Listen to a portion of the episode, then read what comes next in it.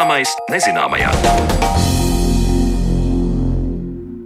Esiet sveicināti redzējuma zināmais nezināmajā un Sandra Kropa kopā ar jums, lai šodien pievērstos tehnoloģijām, kas mūs sagaida pavisam drīzā nākotnē. Metavers un metapilsēta - jēdzieni, kurus radījusi papildinātā un virtuālā realitāte. Eksperti teica, tie mainīs pasauli tāpat kā savulaik mainīja internetu ienākšanu. Šodien redzējumu esam veltījuši tehnoloģijām, kas sniegs pavisam citu pieredzi, kā izglītībā un sportā, tā pilsētvidē un pat aizsardzībā. Par to visu runāsim jau pavisam drīz, bet pirms tam iepazīsim tehnoloģiju tehnoloģijas, pie kurām strādā inženieri, izmantojot no kosmosa iegūtos datus.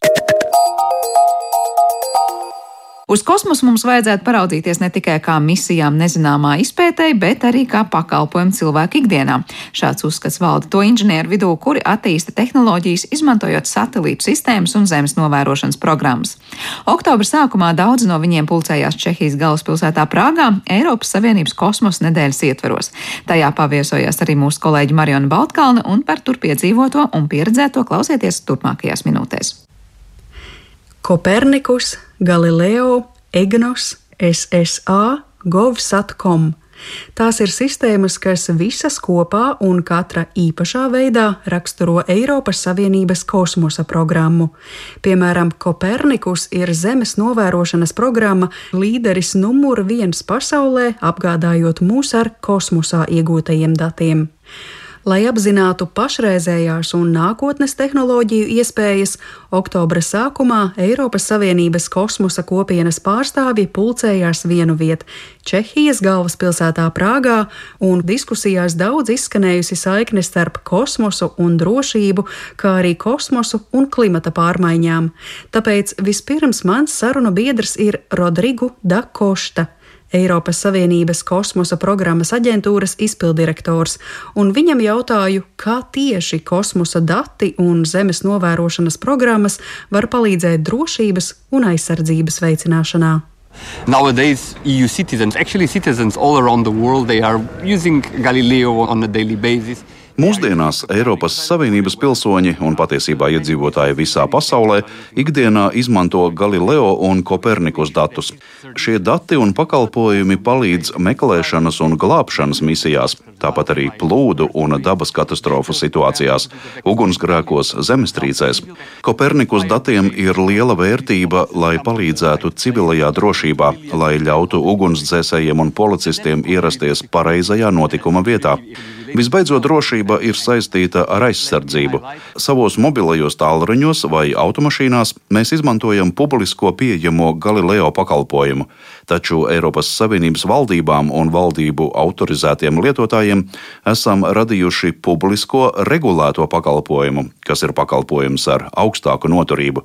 Ārkārtas vai kādos īpašos apstākļos šis pakalpojums turpinās darboties, un tas ir vērtīgi ne tikai civilajā aizsardzībā, bet arī militārajā militāriem nolūkiem. Vēl viens būtisks aspekts ir drošas telekomunikācijas.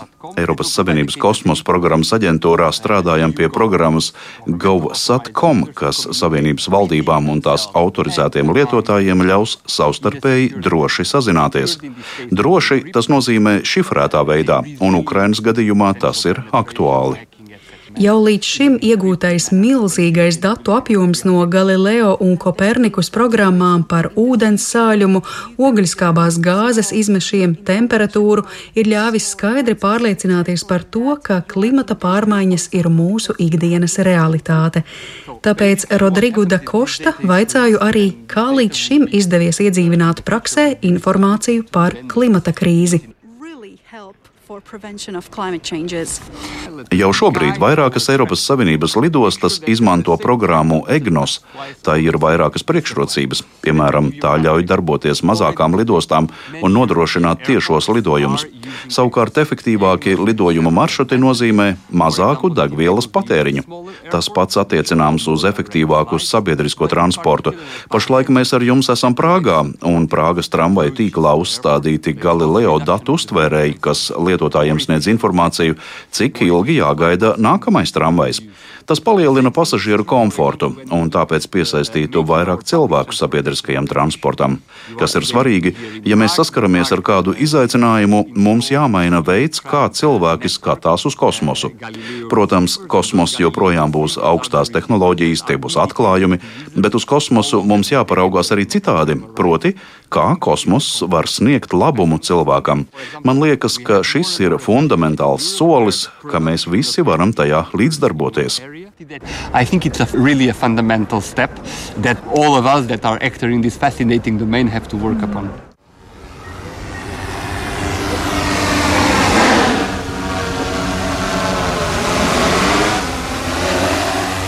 Kosmosa datu savienošana ar dažādām jomām. Tas iespējams ar dronu palīdzību.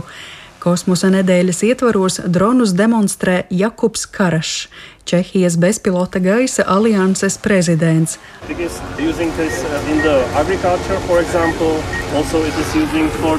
Manuprāt, dronus iespējams izmantot gandrīz jebkur. Piemēram, tos var lietot lauksaimniecībā, būvniecībā, lai uzraudzītu tās procesu. Tāpat ir iespējams radīt trīsdimensiju modeļus, digitālus virsmas attēlus. Dronus var izmantot arī filmu industrijā. Tie ir arī labi līdzekļi glābējiem, policistiem. Čehijā pirms mēneša dronus izmantoja ugunsgrēkos Nacionālajā parkā parkā. Ugunsgrēkus iespējams izsekot ar īpašām dronu termālajām kamerām. Droniem ir arī sistēma, kas ļauj pārbaudīt, vai tuvumā nav kādu šķēršļu. Piemēram, ja jūs atrodaties pārāk tuvu dronam, tas apstājas un lido atpakaļ. Turn back.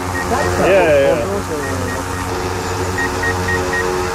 Jakuba demonstrētais drons spēja lidot vismaz 20 minūtes atkarībā no ārvides temperatūras, pēc tam dronu var uzlādēt un tas var mērot 2 līdz 4 km distanci.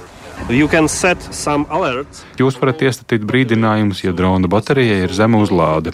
Jau pēc 40% uzlādes atskanēs brīdinājuma signāls, taču lidot vēl būs iespējams.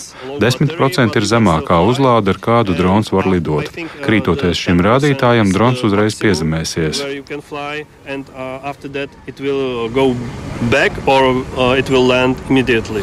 And, uh, yeah, Jūs arī demonstrācijas laikā pieminējāt satelītus. Vai tie ir Kopernikus vai arī Galileo dati, ko drons izmanto? Pamatā tiek izmantoti Galileo dati, bet lietojam arī globālo pozicionēšanas sistēmu, jeb GPS un citus resursus. Kā jūs redzat, drons tagad izmanto 41 satelīta datus, un tas ir ļoti svarīgi drona pozicionēšanas precizitātei. Ja ir vairāk nekā 20 satelītu iecerētajām darbībām ar dronu, tas būs labs rādītājs. Bet, ja jums ir mazāk nekā 10 satelītu, tas noteikti nebūs tik veiksmīgi. Sarunu turpinu ar Eiropas Savienības kosmosa programmas aģentūras tehnoloģiju speciālistu Hoakinu Rejesu Gonzalesu. Viņš demonstrēja lauksaimniecībā izmantojamu robotu, ko varētu uzskatīt par trim traktoriem vienā. Tas var darboties ar elektrību, tam ir arī dzinējs, un šos abus režīmus var kombinēt, kā arī robotam ir signālus uztverošā daļa jeb smadzenes. Tāpat kā drons, arī šis robots ir darbināms attālināti, un tas izmanto gan Galileo, gan globālās pozicionēšanas sistēmas datus. Par robota priekšrocībām turpina Hawkins Reyes Gonzales. Unfortunately, farmers, the average age of the, of the farmers is going up. And in order to attract Diemžēl lauksaimnieku vidējais vecums palielinās, un iespēja piesaistīt lauksaimniecībai jaunus cilvēkus ar šādu robotu starpniecību būtu lielākais ieguvums. Vēl robots ir saistīts ar dzīves kvalitāti. Parasti lauksaimniekam jāveic lauka darba dienas gaismā, bet šim robotam ir sensori, kuriem dienas gaisma nav nepieciešama. Robots nesūdzēsies, ja liksiet tam strādāt no pusnakts līdz sešiem rītā. Un, ja lauksaimniekam kaut kur jādodas, viņš robotu var viegli uzraudzīt ar vietālrunī uzstādām lietotni, kas ir ļoti vienkārša. Tātad jums ir labības lauks, tālāk lietotnē jūs norādāt, kāds ir šī lauka robežas, un tad jūs lūdzat robotam strādāt, neraizējoties par to, kurā vietā tas strādās. Un cik ilgi tas var darboties bez uzlādes? Tas ir radīts, lai darbotos 8 stundas. Vismaz ik pēc 8 stundām būtu nepieciešams robotu pārbaudīt. Tas ir pilnībā autonoms, taču to vajag uzraudzīt, it īpaši, ja jūs robotam lietojat baterijas, tad nepieciešams iestatīt laiku, kad tās jānomaina. Savukārt, ja jūs robotam izmantojat degvielas dzinēju, tad jūs to vienkārši uzpildāt. Un pēc astoņām stundām robots apstājas? Jā, bet lieta tāda, ka jūs robotam dodat uzdevumu. Piemēram, es šodien gribu apstrādāt tādu vai citu labības lauku. Izrietot no tā, robots zina, cik daudz laika tam ir uzdevuma veikšanai. Ja robots saprot, ka paredzētajā laikā jūsu piešķirto uzdevumu nebūs iespējams paveikt, jūs saņemsiet ziņojumu, un robots automātiski pārplānos uzdevumu. Principā robots apzinās ierobežojumus. Hoakins Rejas Gonzales demonstrē robota darbību, vispirms ieslēdzot elektrības, bet pēc tam dīzeļa režīmu, kas daudziem skaņas ziņā noteikti atgādinās traktoru. So now he's watching to us. And now we switch on the thermic one.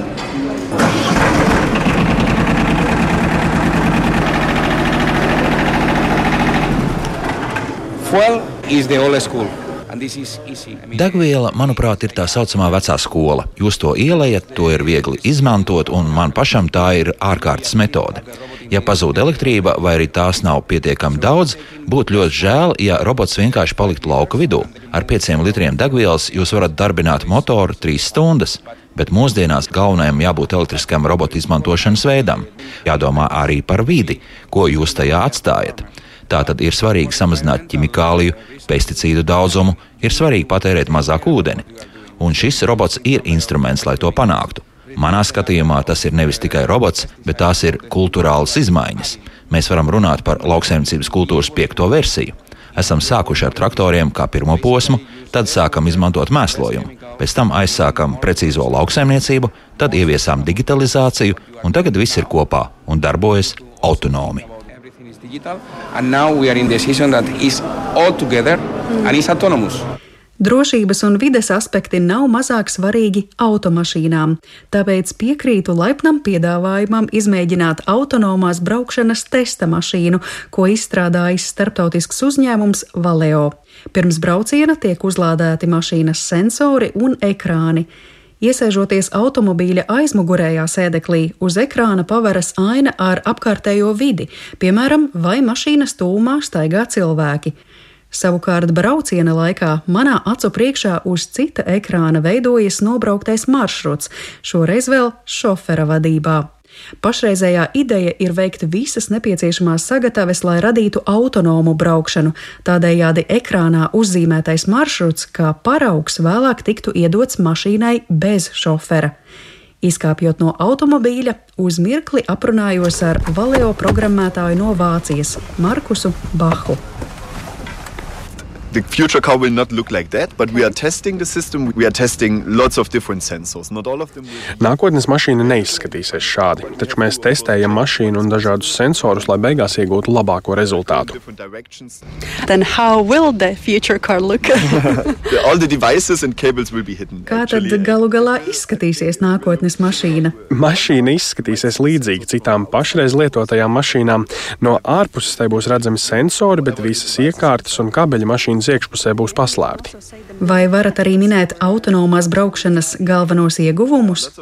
Ir vairāki ieguvumi, un viens no tiem ir drošība. Lielāko daļu negadījumu izraisa cilvēku kļūdas, un ar autonomo braukšanu daudziem sensoriem un gudriem algoritmiem to var būtiski samazināt.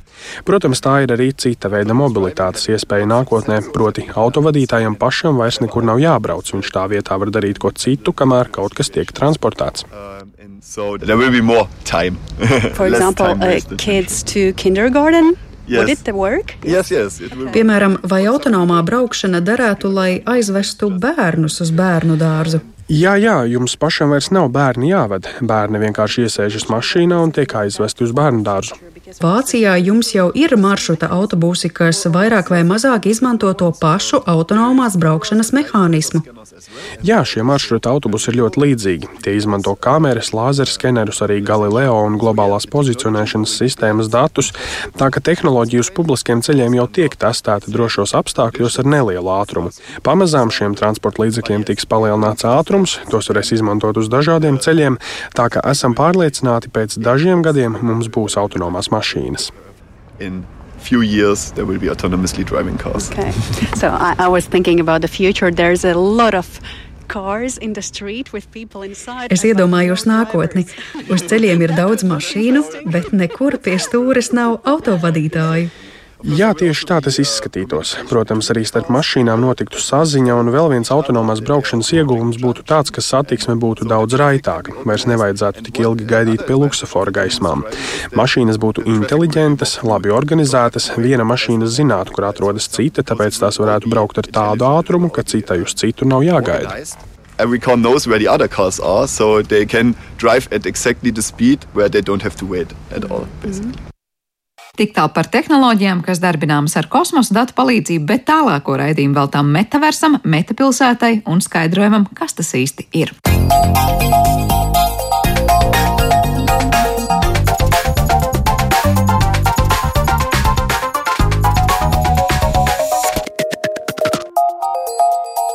Zināmais nezināmajā. Metaversu dēvē par nākotnes internetu, kam piedēvē spēju līdz nepazīšanai mainīt veidu, kā sazināmies, kā piedzīvojam pasauli apkārt, un nu klajā nācis jauns jēdziens - metapilsēta. Vai šāda 3D pieredze sniegs ko vairāk par izklaidi un kādas iespējas virtuālajā realitātē saredz dažādu nozaru speciālisti? Par to mēs vairāk runāsim raidījuma atlikušajā sadaļā, kad pie mums e, studijā viesojas Nēls Kalniņš, Rīgas Tehniskās universitātes padomas loceklis un valsts akciju sabiedrības elektroniskie sakari 5K Tehritorija programmas direktors. Labdien! Labdien! Laikam te ir jāsāk ar to, ka, lai arī mūsu raidījumā arī ir izskanējis šis vārds metavērs krietni agrāk, un mēs esam mazliet skaidrojuši, kas tas īsti ir jau šajā pieteikumā. Es te teicu, gan metavers, gan metapilsēta. Varbūt ne lūkšu izstāstīt vēlreiz vienkārši, kas tad ir kas, ja mēs runājam par metapilsētu un metaversu. Jā. Redz, lai mēs kādreiz to metaversu piedzīvotu un tādā kvalitatīvā veidā, droši vien daudzas kompānijas daudzās valstīs kaut ko sāk darīt. Un te, protams, parādās jautājums, izaicinājums arī mums šeit, Latvijā, vai mēs gribam būt sekotāji un tālāk dzīvē tikai tehnoloģiju lietotāji, vai arī mums ir iespēju šodien skaidri saprast to nākotnes attīstības perspektīvu un, balstoties uz mūsu izcilībām, gan zinātnē, gan uzņēmējdarbībā, sākt darīt kaut ko praktisku. Un to mēs esam sākuši kopā apzināt, ar, apzināt un kopā ar Tehnisko universitāti, kopā ar LMT, ar Lightspēju, Tildi un citām kompānijām. Esam sākuši veidot būtībā tādu nu, iniciatīvu projektu kopu, ko mēs saucam par MetaCity.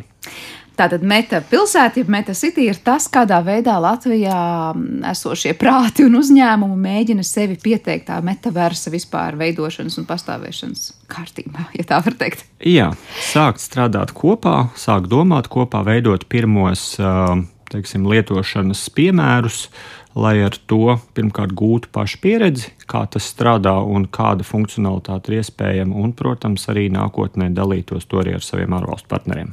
Jā, tad nonākam līdz tam, lai skaidrotu, kas tad īsti ir tas, kā tā metaversa būtība izpaudīsies. Mēs pirms tam esam šajos raidījumos runājuši, nu, kad liekas vienkāršot vārdiem sakot, nu, tāda dzīvošana 3D realitātē, kaut kādā virtuālajā pasaulē, nu, sākot no pilnīgi visa saviem avatar tēliem te un savām vietām un, un, un drēbēm un pulksteņiem un darba intervijām intervijām un daudz ko citu. Varbūt es lūkšu vēlreiz izstāstīt tiem, kas nesako tehnoloģiju attīstībai un jaunumiem, kas tad īsti ir tā par ideju ar metaversa nu, dzīvošanu, būtību kā tādu.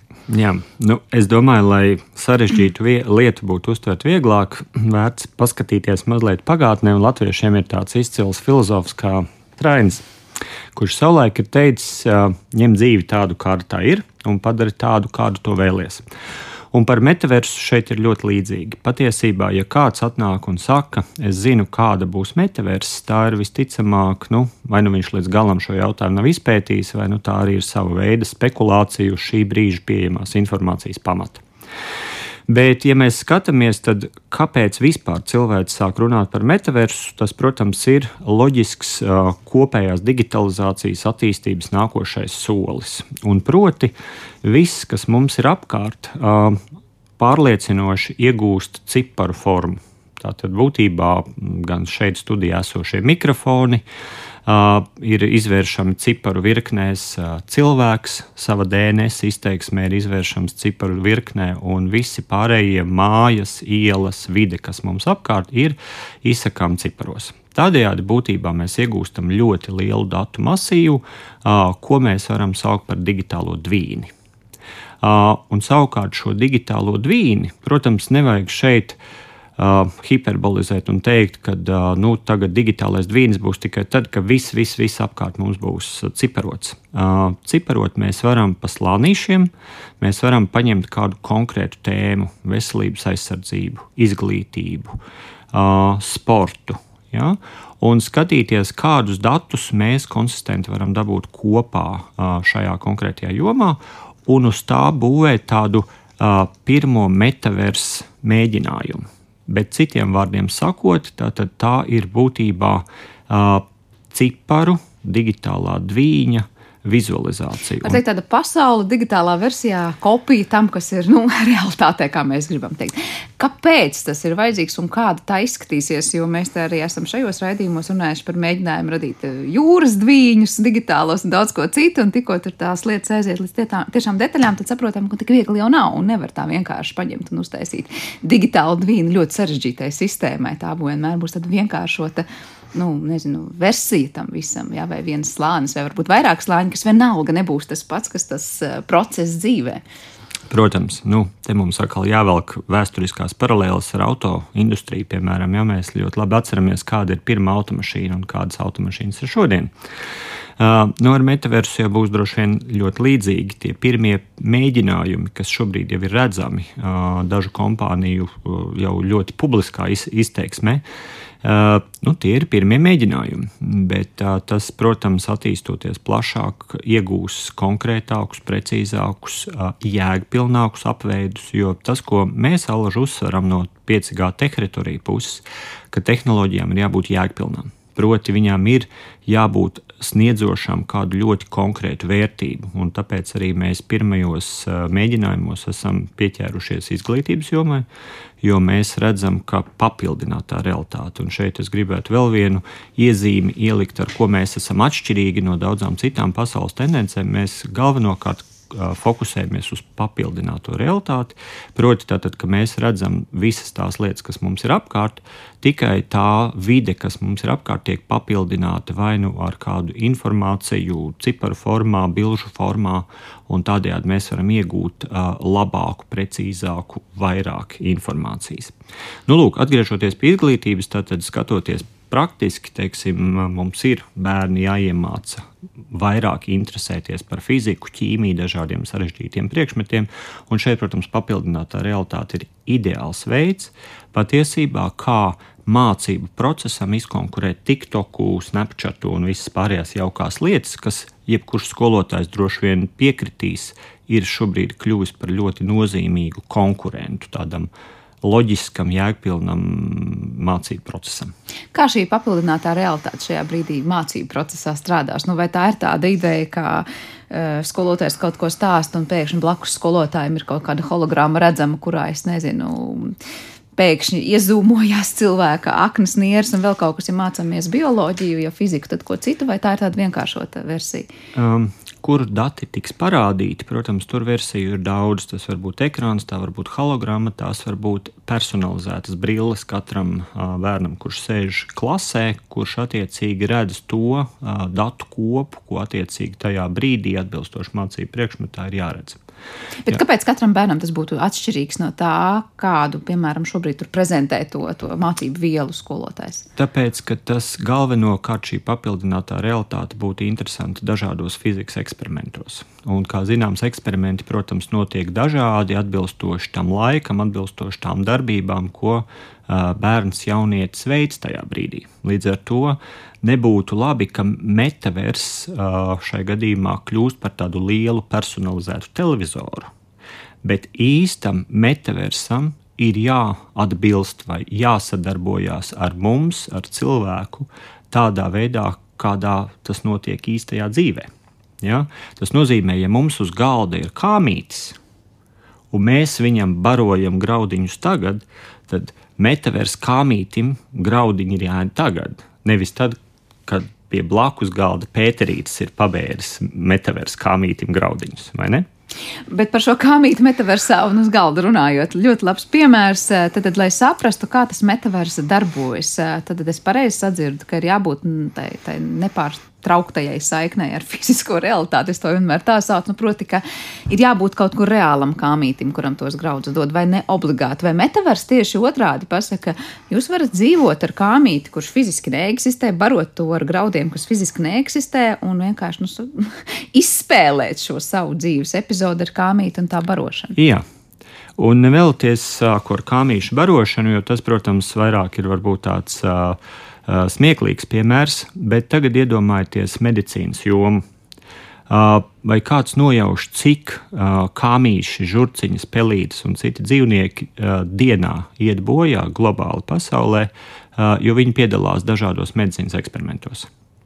Tas, ko mēs attīstot metaversu tādā jēgpilnā veidā varētu iegūt, mēs visus šos kāmīšus varētu nenogalināt reālā dzīvē, bet izmantot viņu digitālos dviņus. Proti, katram kāmītim, tāpat kā cilvēkam, ir savs DNS. Šis ir, de, šis ir digitālā dviņa pamats. Bet uh, tomēr es iedomājos, no jebkura dzīvība, arī mazs kāmītis, protams, ir ļoti sarežģīti, ja mēs mēģinām to digitālo dviņu izveidot. Vai nebūs tā, ka, lai tagad pārbaudītu kādus medikamentus, vērsniecības metodes, nu, mēs vienmēr teiksim, bet mēs nevaram iztikt bez tā, ka ir vajadzīgs tas dzīvais kāmītis, jo droši vien kaut ko mēs nevarējām nosimulēt, vai kaut kādu izpratni vai miedarbība ar apkārtējo vidi, tam digitālajam dvīnim, tomēr ir citādāka nekā, nekā tam reālajam kāmītim. Protams, nu, ir kaut kāds faktors, ko mēs nekad nevarēsim pilnībā paredzēt. Nu, te droši vien ir jāsāk ar laika nogriezni, kurā mēs raugāmies. Ja, ja jūs man lūgtu piegādāt šodien uh, metaversu kāmīti, uh, uz kuru var veikt medicīniskos eksperimentus, tad man jāatzīst godīgi, tāda kāmītis vēl nav izdomāts. Ja mēs skatāmies gadus, 5, 7 uz priekšu, tad būs pirmie aizmetņi, un uz viņiem varēs veikt sākotnēji vienkāršus, relatīvi vienkāršus eksperimentus. Bet šeit ir skaidri jāapzinās, ka šī ir 10, 15, 25 gadu perspektīva. Un tieši tāpēc arī no teritorijas puses mēs to tik ļoti uzsveram, ka tas ir Latvijai svarīgi spēt šodien rīkoties nākotnes perspektīvā, kas ir vērsta tiešām nevis Eh, vienu vēlēšanu periodu kontekstā vai viena plānošanas perioda kontekstā, bet tiešām tādā, eh, nu, jau varētu teikt, ilgtermiņa tehnoloģija attīstības kontekstā, lai mēs varētu saprast, kur ir mūsu vieta, uz kādām kompetencēm ir jātrenē šobrīd mūsu augstskolas, uz kādām kompetencēm ir jātrenē mūsu bērnu skolās, sabiedrība kopumā, tehnoloģija uzņēmumi, citas iesaistītās puses. Jo tas, ka metavers būs vienā vai otrā vietā, tas ir neizbēgams fakts. Jautājums, kādu lomu mēs, kā Latvija, kā mūsu tehnoloģiju uzņēmumi, kā augstskolas, kādu lomu mēs šajā visā spēlēsim? Par to mēs droši vien arī šodien vairāk parunāsim, bet līdz tam gribēju vēl lūgt, varbūt kādus piemērus minēt. Labi, izglītība, medicīna, tas izskanēja no vienas puses kā ar citām jomām, kurās mēs varētu teikt, nu, tas metavērs nebūtu tikai ļoti dārga spēlīt vai paslēpšanās virtuālās realitātes pasaulē no reālās dzīves. Nu, kur vēl tā būtu neaizvietojama lieta? Jā, nu, piemēram, iedomājamies um, augstas bīstamības ugunsgrēku kādā sarežģītā um, ķimikālī noliktavā. Ierodās ugunsdzēsēji, tādi kādi viņi mums ir šobrīd, ar automašīnām, attiecīgajiem uh, līdzekļiem. Uh, bet nav tajā mirklī pieejams telpu plāns vai, vai teritorijas plāns. Bet viņš ir pieejams katram atsevišķam ugunsdzēsējam papildinātās realitātes brillēs. Caur to viņš iegūst iespēju sevi pasargāt. Bet, lai varētu būt tas plāns pieejams katram ugunsdzēsējam tajās virtuālās realitātes brillēs, nav tā, ka nu, tad jau tas plāns jebkurā gadījumā būs pieejams, jo no kaut kurienes jau tie dati tiks ņemti. Un, liekas, ja mēs varam uzrādīt tās brilles, tad vai nav tā, ka tajā brīdī jau tā, tā plāna būšana ir sakārtota? Protams, nē, plāns jau eksistē. Šobrīd jebkurai šāda veida celtnē, protams, ir uh, plāns un viss, ir, viss jau ir, teiksim, dabīgi dokumentācijas ir kārtībā. Jautājums ir par šīs informācijas operatīvo pieejamību. Ja? Jo bieži vien situācijās, kā ugunsgrēki, kā jebkādas citas katastrofas, uh, veiksmīgi vai neveiksmīgi tikšanu galā ar šo ārkārtas situāciju izšķir laiks. Un tas, ko iedos papildinātā realitāte un metavers, ir tas, ka ar šīm problēmām, ar šiem izaicinājumiem mēs spēsim tikt galā daudz ātrāk un daudz precīzāk. Tas nozīmē, mēs tērēsim mazāk resursus, mēs apdraudēsim mazāk cilvēkus. Jā, tāda dzīvošana non-stopā, saslēgtā tīklā izklausās. Tas, Tad, kā... kad tas ir vajadzīgs. Jā, jā un... es gribēju jautāt par to, kā tas notiks un kā tas ir ieplānots. Kad tas ir vai nav vajadzīgs, proti, lai no vienas puses tā nav tā galējība, ko varbūt daudzreiz izklaides industrijā mēs redzam, ka tā ir tāda pārvērtusies par dzīvi citā realitātē. Es nezinu, katrs cilvēks ir aizgājis prom no reālās pasaules un dzīvo savā iedomu. Es vienmēr gribu salīdzināt iedomu pasaulē, kurā ir ļoti realistiski vaipsti. Uh, kad metavers var teikt, var, varēs tikt pieslēgts un atslēgts tā pavisam vienkārši? Nu, redz, tev atkal cilvēks ar savu lēmumu pieņemšanas sistēmu un tiesībām neapšaubāmi netiks neieslēgts, neizslēgts. Tā ir katra mūsu paša individuāla izvēle, kad mēs vēlēsimies šo metaversu lietot un kad ne. Un te nu es jāsaka, ļoti ceru, ka, ka, ka cilvēks, kā saprātīga būtne, turpinās tāda būt un lietos metaversu tad, kad tas ir nepieciešams, un nelietos tas, kas tas nav nepieciešams. Tas, ka būs izņēmumi un cilvēki, protams, kaut kādā brīdī pārāk aizrausies ar to līdzīgi kā šodien ar datorspēlēm, Jo metaversā nešaubīgi, protams, būs datorspēles un spēļu industrija šodien gaidīt, gaida to brīdi, kad uh, tehnoloģiskā infrastruktūra būs apkārt un, un, un viņi varēs savas uh, jaunās spēles darbināt pilsētu vidēs un kādās vēl tik nevidēs. Uh, tas viss tā ir, bet nu, te atkal jautājums ir, ko mēs, uh, ko mēs darām kā cilvēki. Vai mēs dzeram vecu pienu? Nu, nē, jo mums ir prāts, kas saka, nu, nav, nav garšīgs un nav veselīgs. Kāpēc mēs digitālās lietas neustveram līdzīgi, neizprotot to, kad tas mums ir veselīgi, noderīgi un kad tas iespējams ir kaitīgi. Droši vien atbild būtu tāpēc, ka sākumā viss liekas ļoti garšīgi, vai ne arī tas, kas ir kaitīgs digitālajā pasaulē. Jā, nu redz, tā ir tā būtiskā lieta, ar ko digitālais prāts vai mākslīgais intelekts vienmēr atšķirsies no cilvēka prāta. Ja? Un, un, un te, protams, mums ir jāsaprot, ka cilvēka prātu neviens nespēs atcelt nu, pārskatāmā nākotnē. Un šīs izvēles un šie lēmumi, kas ir balstīti ne tikai uz tādām mirkļa sajūtām, bet tomēr uz kaut kādu cēloņu sakarību pamata, uh, nu, tas droši vien to cilvēku prātu at, atšķir atšķirs, un, un, un cerams, ka to mēs izmantosim kā savu priekšrocību. Bet tie, kas labi ar savu prātu gribēs darbināt to savu metaversu un saka, būt daļa no, daļai no tā konkrētās dzīves situācijās, tas nerada riskus, ka tā būs kaut kāda elitāra cilvēku grupa, kurai tas būs pieejams. Vai elitāra kaut kāda, nu, var teikt, sabiedrības vienība, niša, kura vienkārši ar to dzīvos un pārējie ne, un tas vēl vairāk veicinās kaut kādu nevienlīdzību. Jā, un tāpēc vēl jo vairāk Latvijai, kā ne pasaules uh, vadošajai ekonomikai, uh, šim jautājumam ir jāpievēršās šeit un tagad, jo, jo gatavāka būs mūsu sabiedrība, jo mazāk būs iespējams noslāņoties. Un šeit atkal skatāmies vēsturiski, kas notiek ar digitalizāciju Latvijā. Es negribētu teikt, ka Latvijā ir uh, noslāņota sabiedrība pēc digitālā kritērija.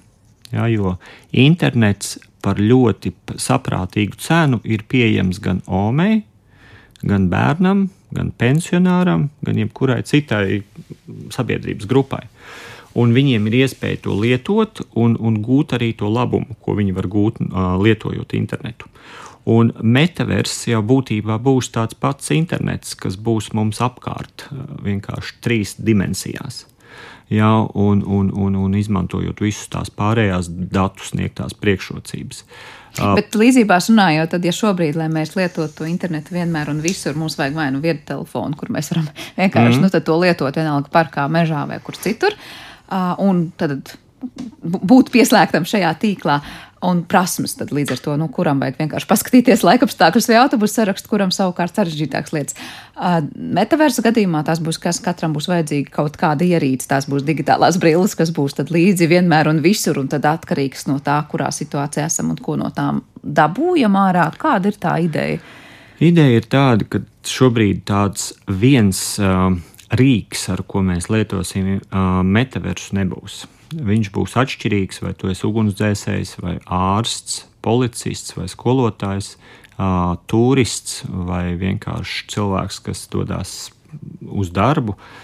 Katrā no šiem gadījumiem droši vien šī metaversa informācija būs pieejama vai nu caur automašīnas stiklu, ja tu brauc uz darbu, parastās brillēs, ja tu esi attiecīgi pieslēdzies šim tīklam. Nu, protams, jo sarežģītāks uh, process, kuru cilvēks realizēs, kā piemēram inženieri vai tie paši ugunsdzēsēji policisti, viņiem būs sarežģītāks aprīkojums ar, ar plašāku funkcionalitāti. Tiem, kuri nav ne policisti, ne autovadītāji, tad jautājums tas ir arī kaut kāda kaut vai līdzīga kā šobrīd datorspēles. Ja kāds spēlē, tā būs vienkārši, es nezinu, kaut kāda vietne, kurā cilvēks vienkārši pateiks, es tagad izklaides pēc ieiešu, piemēram, metaversā, vai es tagad iepirkšos internetu veikalā, kā mēs to darām šobrīd, citādāk nekā tas ir noticis līdz šim. Nu, redz, tas, kādēļ mēs esam šajā metasitijā iesaistījuši kompāniju Tilde, tāpēc, ka mēs patiesi ticam, ka balss vadības funkcijas būs tas, kā nākotnē mēs pārvaldīsim gan esošo, šodien mums saprotamo internetu, gan nākotnes trīsdimensionālo internetu. Un proti, šo informāciju mēs varēsim pieprasīt ar balsi.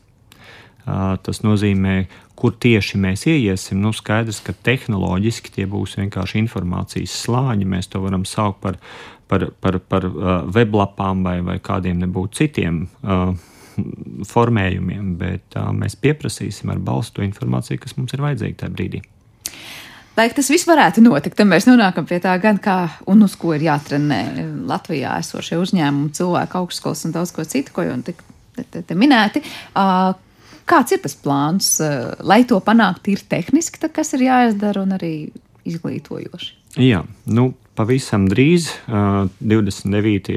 un 30. novembrī Rīgā notiks kārtējais, nu jau piektais 5G teritorija fórums. Šī fóruma laikā tās iesaistītās puses, kas Latvijā ir apņēmušās virzīties kopīgas stratēģijas ietvaros, parakstīs saprašanās memorandu, un no nākošā gada mēs kopīgi sāksim attīstīt virkni projektus. Tā skaitā izmantojot tos Eiropas sniegtos finanšu resursus ar dažādām programmām, izmantojot tos resursus un zinātniskās izcilības, kas mums ir šeit pat Latvijā, arī kompāniju iekšienē, ne tikai universitātēs. Un šobrīd sākotnējais plāns paredz, ka Nacionālajā bibliotekā tiks veidots arī tāds kā metavers centrs. Te gan man jāsaka, šis centrs pa īstam būs metavers. Tas nenozīmē, ka tagad no rītdienas tur būs kāds kabinets, kur jūs varēsiet nākt un skatīties metaversu. Bet, protams, būs dažādas izglītojošas pasākumi, gan dažādas demonstrācijas, kas būs arī fiziskas, bet izmantojot tos digitālos resursus, kas šobrīd jau ir Nacionālajai bibliotekai, mēs vienkārši tur liksim klāt šo virtuālo vidi, kur cilvēkiem būs iespējams iepazīties piemēram ar tām Latvijas izcilībām, ko mēs darām šobrīd militārajā jomā. Jo te atkal Latvija ir izcila ar to, ka sadarbojoties Lightspace tehnoloģijas LMT, tiks veikti nākošajā mēnesī unikāli testi NATO vajadzībām, tieši kur tiek izmantots metavers. Par to plaši tiks runāts un rādīts. Tas būs sabiedrībai pieejams. Tas būs noteikti, ka plašāka informācija par šo pasākumu būs. Un, tas, jāsaka, ir tā, nav, nav, nav nekas tik slepens, lai, lai mēs par to nerunātu. Jo vairāk tāpēc, ka šeit ir iesaistīti tiešām un par ko mums ir pamats lepoties Latvijas uzņēmumi. Un, un lielā pasaule patiešām ir pārsteigta, cik ļoti Latvijas tieši tehnoloģiju uzņēmumi ir attīstīti un tieši kādas dažādas spējas mēs spējam demonstrēt. Kādas ir tās, varbūt dažas tās spējas, varbūt piemēri, kur Latvijas tieši uzņēmumiem ir tā pievienotā vērtība pasaulē? Nu, redz, um, lai attīstītu metaversu, piemēram, militārajā jomā, uh, ir vajadzīgs tātad izcils galiekārts, kuras lieto cilvēki. Un tāds uh, uzņēmums kā Latvijas viņas ražo, uh, kurš patiešām globāli ir atzīts kā pasaulē labākais multifokālo brīļu ražotājs. Tātad viņi spēja nodrošināt katram lietotājam, katram uh, karavīram šādu papildināto realitāti. Mums ir uzņēmums Mikrotiks, kas attiecīgi ražo šos 5G routerus. Tas nozīmē, ka katrs šis karavīrs nav jāpievieno ar vadiņu pie centrālas, bet mēs varam izmantot 5G sakaru kanālus. Un mums ir LMT, kurš nodrošina šo testa vidi, šai gadījumā Ādažu poligonā var teikt, tādā militārajā metaversa kontekstā mums ir kaut kādas iestrādes, kas ir gana nopietni uztveramas. Un ne tikai. Par citiem piemēriem varbūt vēl, es nezinu, cik daudz drīkst un var stāstīt, bet ja bez militārās jomas, kurā vēl konkrēti Latvijas uzņēmumi vai tās prasmes vai, vai tās iestrādes, kas ir šeit nodara? Jā, nu redz, šeit atkal jāsaka, tāpēc mēs piecus, nu jau sešus gadus atpakaļ sākām veidot šo 5G teritoriju ekosistēmu, jo mēs apzināti skatāmies uz dažādu nozaru uzņēmumiem, kā piemēram ir apgāds lielvārds, kurš nodrošina šodien praktiskajā dzīvē daudzām skolām mācību materiālus, dažādus mācību līdzekļus. Tad brīdī, kad mēs lielvārdu savedam kopā ar Lightspace, tajā brīdī rodas jauns uzņēmums, kurš nodarbosies ar izglītības līdzekļu radīšanu, papildinātās realitātes nodrošināšanai. Ja?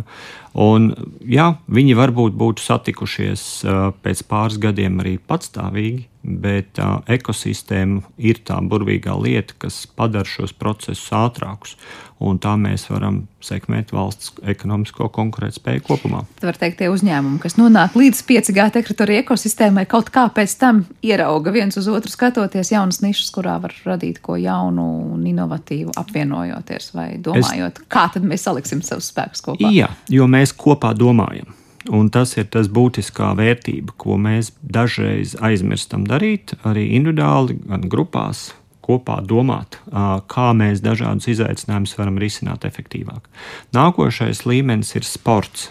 Protams, te vairāk mēs skatāmies jau uz izklaides industriju, bet skaidrs, ka pētījumi šobrīd pārliecinoši pierāda, ka sporta fani, skatoties basketbolu, futbola spēli, ļoti labprāt gribētu redzēt informāciju, kas ir jau par katru konkrēto spēlētāju vai par katru konkrēto epizodi, reālā laikā. Ja, un, un šeit, protams, stādoties priekšā, cik liels ir stadions, teiksim, futbola stadions, un tu sēdi kaut kur augšā, tālu projām, tad visticamāk tev grūti redzēt katru atsevišķo spēlētāju. Savukārt ar papildinātās realitātes brillēm tu spēsi gan šo attiecīgo spēlētāju pietuvināt, gan redzēt tajā pašā laikā viņa statistikas rādītājus un dažādu citu informāciju. Šobrīd uh, Tampere, Helsin, äh, Somijā ar, ar, ar Nokiju jau gatavo pilotu projektu priekš uh, pasaules hokeja čempionātu, ko starp citu nākošajā gadā mēs ar Somiju rīkojam kopā. Nu, es ceru, ka mums veiksies un arī Latvijā izdosies realizēt kādu pārsteigumu šajā sakarā. Tas kāds piemērs būs jau skatāms, ja nu varbūt ja ne gluži uzreiz uzliekot brilles un par katru hokeju spēlētāju iegūstot visu, visu statistiku, bet kaut kas, es saprotu, tad jau intrigē tiek tiek iemests. Tamperē pilnīgi noteikti, vai mums izdosies arī Rīgā kaut ko tādu parādīt. Nu, te ir vajadzīgs laiks un galvenais entuziasms pilni cilvēki, kur ir gatavi nākt iekšā šajā idejā un darboties. Un šeit atkal nav runa tikai par uh, tehnoloģiju kompānijām. Šeit ir runa par Latvijas Hokeja federāciju, šeit ir runa par attiecīgās hokeja halas īpašnieku un tā tālāk, un Rīgas domi un izglītības ministriju, jo, lai šāds pasākums notiktu, tad, tad tur ir ļoti daudz šīs iesaistītās puses, un te atkal mēs nonākam pie tās ekosistēmas. Ja? Kāds sakars ja, hokeja halas īpašniekam ar metaversu šodien, ne? Nu, principā nekāds, bet tajā brīdī, kad mēs atnākam, sanākam kopā, ieraugam šo potenciālu. 哈 Izrādās, mēs varam radīt kaut ko jaunu. Bet nav tā, ka, lai tas metavers strādātu, nu, tā kā mēs te arī sarunas sākumā ilustrējām, un viss notiktu tā, kā vajadzētu, tad uh, liekas, nu, pilnīgi visiem, pilnīgi visur būtu jābūt ar saviem digitāliem dvīņiem vai tās ļoti lielās informācijas apjomiem kaut kur. Un kas notiek tajā brīdī, kad kāds no posmiem pasakā, es negribu, vai es nedodu datus, vai man ir atkal savas kaut kādas problēmas, kāpēc es kaut ko nevaru, vai nav tā, ka tāda pa pusēji metaversa dzīve jau patiesībā nemaz līdz galam nebūs iespējama, jo tad vai nu viss ir iekšā vai neviens, jo citādāk būs neprecīzas brilles, neprecīza informācija, novēlot laikā kaut kāda, nezinu, vēl informācijas tālāk padošana. Nu, redzi, šis kā reiz ir ļoti precīzs uh, pieprasījums uh, tavā jautājumā, kāpēc ir jāveido šāds projekts kā MetaCity.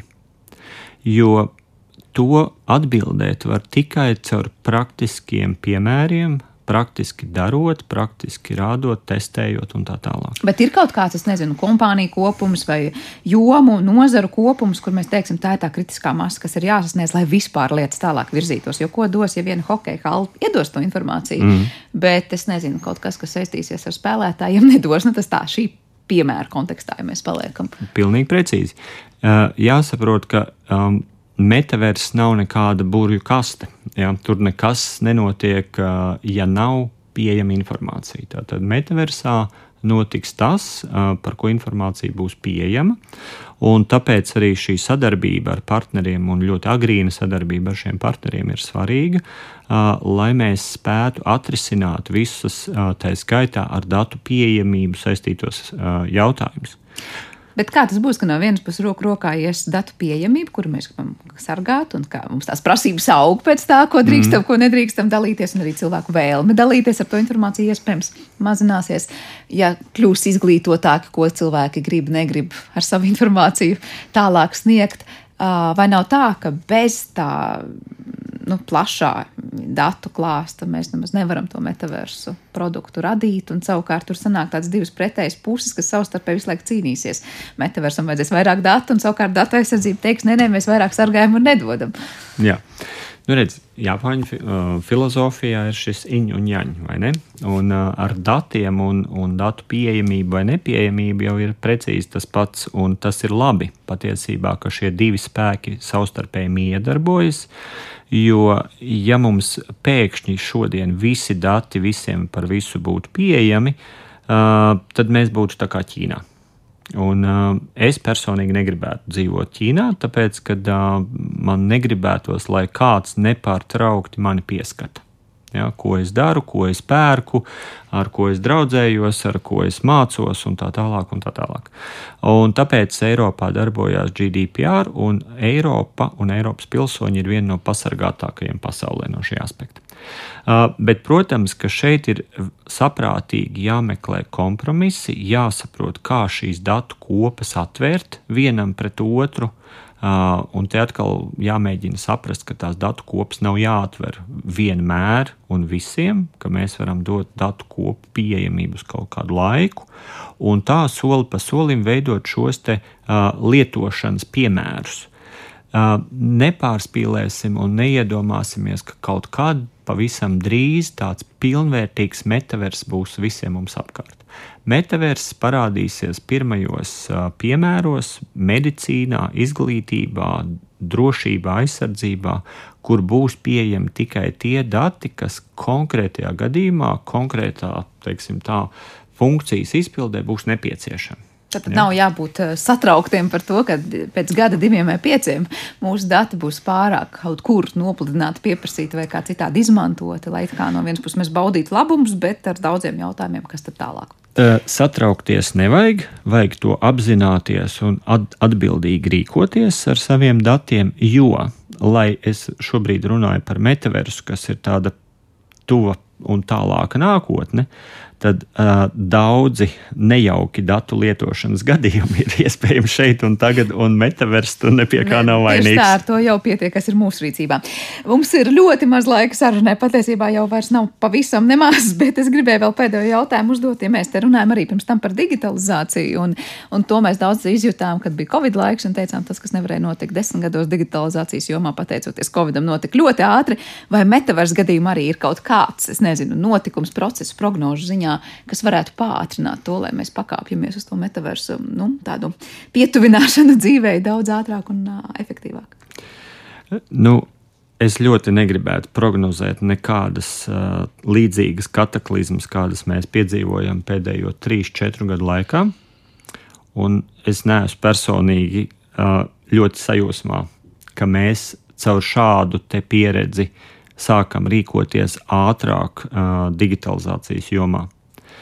Uh, es domāju, ka nākošais neizbēgami lielais izaicinājums cilvēcei uh, būs klimats, uh, ko mēs ar katru dienu, ar katru gadu jūtam ar vien vairāk. Un tas būs tas, kas cilvēkam liks uh, daudz ātrāk un daudz jēgpilnāk lietot tās tehnoloģijas, kas mums šodien jau ir patiesībā lielā mērā radītas. Un šeit mēs varam runāt gan par atjaunojamo enerģiju, gan par daudzām dažādām citām lietām, uh, kuras mēs joprojām lietojam, uh, es teikšu, neapzināti, nesaprotot to, uh, ka atjaunojami energoresursi nav izklaide vai tāds uh, zaļais domāšanas veids, bet tā ir lieta, uh, kā mums būtu jārīkojās visiem, ja mēs gribam saglabāt planētu, uz kuras mēs dzīvojam. Jā, Nevis nav. pārcelties uz mēnesi, piemēram, pēc kādiem 30 gadiem. Nu, tiem izredzētajiem, kas varēs nopirkt biļetes. Jā, tiešām daudz lietas, par kurām aizdomāties, un es domāju, ka tiešām pasaule pietiekuši interesanti, lai skatītos, kā tā attīstīsies turpmākajos gados. Un skaidrs ir viens, ka metavers nav tāda 3D realitāte, kurā paslēpties no reālās dzīves, bet eh, klātesoša un ļoti, ļoti vajadzīga ļoti noteiktos brīžos, konkrētās vietās un pie konkrētiem cilvēkiem. Uh, lūkosim, kā veidojas mūsu metacity šeit pat Latvijā, un es vēlēšu veiksim gan mūsu uzņēmumiem šeit uz vietas, gan arī tajā ekosistēmā ieraudzīt, kurš ar kuru tad var draudzējoties radīt ko ļoti interesantu interesanta un visai pasaulē vajadzīga. Nels Kalniņš, Rīgas Tehniskās Universitātes padomas loceklis un valsts akcijas sabiedrības elektroniskie sakari 5G teritorija programmas direktors bija šodien mums kopā studijā. Paldies, Nēl, par sarunu. Ar to arī raidījums ir izskanējis un to producēja Paula Gulbīnska par mūziku gādāja Girds Bišs, Kristīna Delbija skaņu režijā un Sandra Kropa studijā. Veiksmīgi mums visiem dienu un uz tikšanos!